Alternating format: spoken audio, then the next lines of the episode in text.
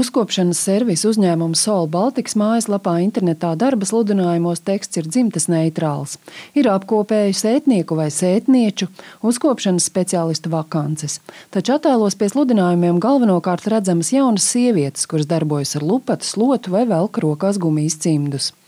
Uzņēmuma pārstāvis skaidro, ka fotografijās gribējuši parādīt īstus darbiniekus, nevis modeļus, un tā nu esot iegājies, ka šajās profesijās lielākoties strādā sievietes.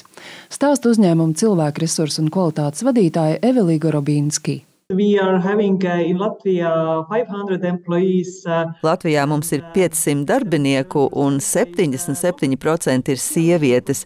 Ja skatāmies, piemēram, rietumu pasaulē, šajā biznesā redzam vairāk vīriešu. Varbūt šeit cilvēki vairāk uzskata, ka uzkopšana ir sieviešu darbs. Like for, for, for Kaut gan Igaunijā bāzētā firma regulāri atskaitās augstākajai vadībai par to, kā ievēro dažādus sociālās iekļaušanas principus un pat vēlētos, lai darbā piesakās vairāk vīriešu, sabiedrībā valdošie stereotipi par to, ka sievietes telpas iztīrīs labāk, acīm redzot, izrādījušies spēcīgāki. Taču no stereotipiem nav nekāda labuma.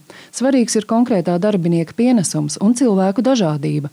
Ir pārliecināts desmit uzņēmumus ietverošās pārvaldītāja sabiedrības draugiem grupu pārstāvis Jānis Palkaunieks. Ja mēs būtu pāris vienādi cilvēki, vienāda vecuma, vienāda dzimuma, vienāda izglītība, vienādi domājoši, diez vai mēs radītu produktu, kas interesē miljoniem cilvēku. Palkaunieks arī pajoko.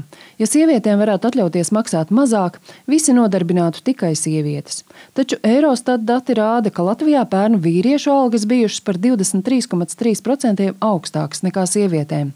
Tā ir lielākā atšķirība Eiropas Savienībā.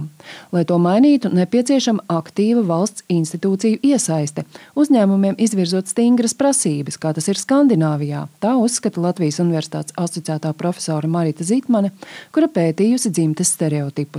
Turpina Marita Zitmane. No teorijas to sauc par valsts vadītu feminismu ka valsts apzināti dzimumu līdztiesību liek kā prioritāti un tad, tad problēmu risinājums meklē caur dzimumu līdztiesības arī prizmu. Pētniece norāda, vēl viens dziļi iesakņojies stereotips ir par vīrieti kā galveno pelnītāju un apgādnieku, tāpēc sievietēm var atļauties maksāt mazāk.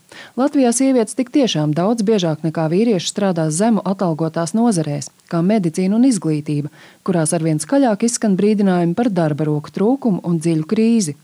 Sabiedrības integrācijas fondā savukārt kā pozitīvu tendenci izceļ to, ka sievietes arvien biežāk apzinās, ka darbā tiek diskriminētas un ziņo par to.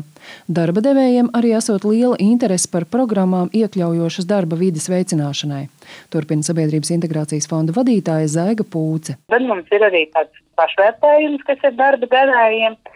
Tur mums ir vairāk kā simts darba devēja salīdzinoši nesens viņš ir, un vairāk kā simts darba devēja jau ir pieteikušies, lai viņi izietu, nu, teikt, šo savas darba vides vērtējumu, vai viņi ir pietiekami iekļaujoši, dažādību akceptējošs uzņēmums. Jāatgādina, ka Eiropas Savienībā pērn apstiprināta prasība lielajos biržā kotētajos uzņēmumos līdz 2026. gada jūlijam veikt pasākumus, lai palielinātu sieviešu pārstāvību vadošos amatos.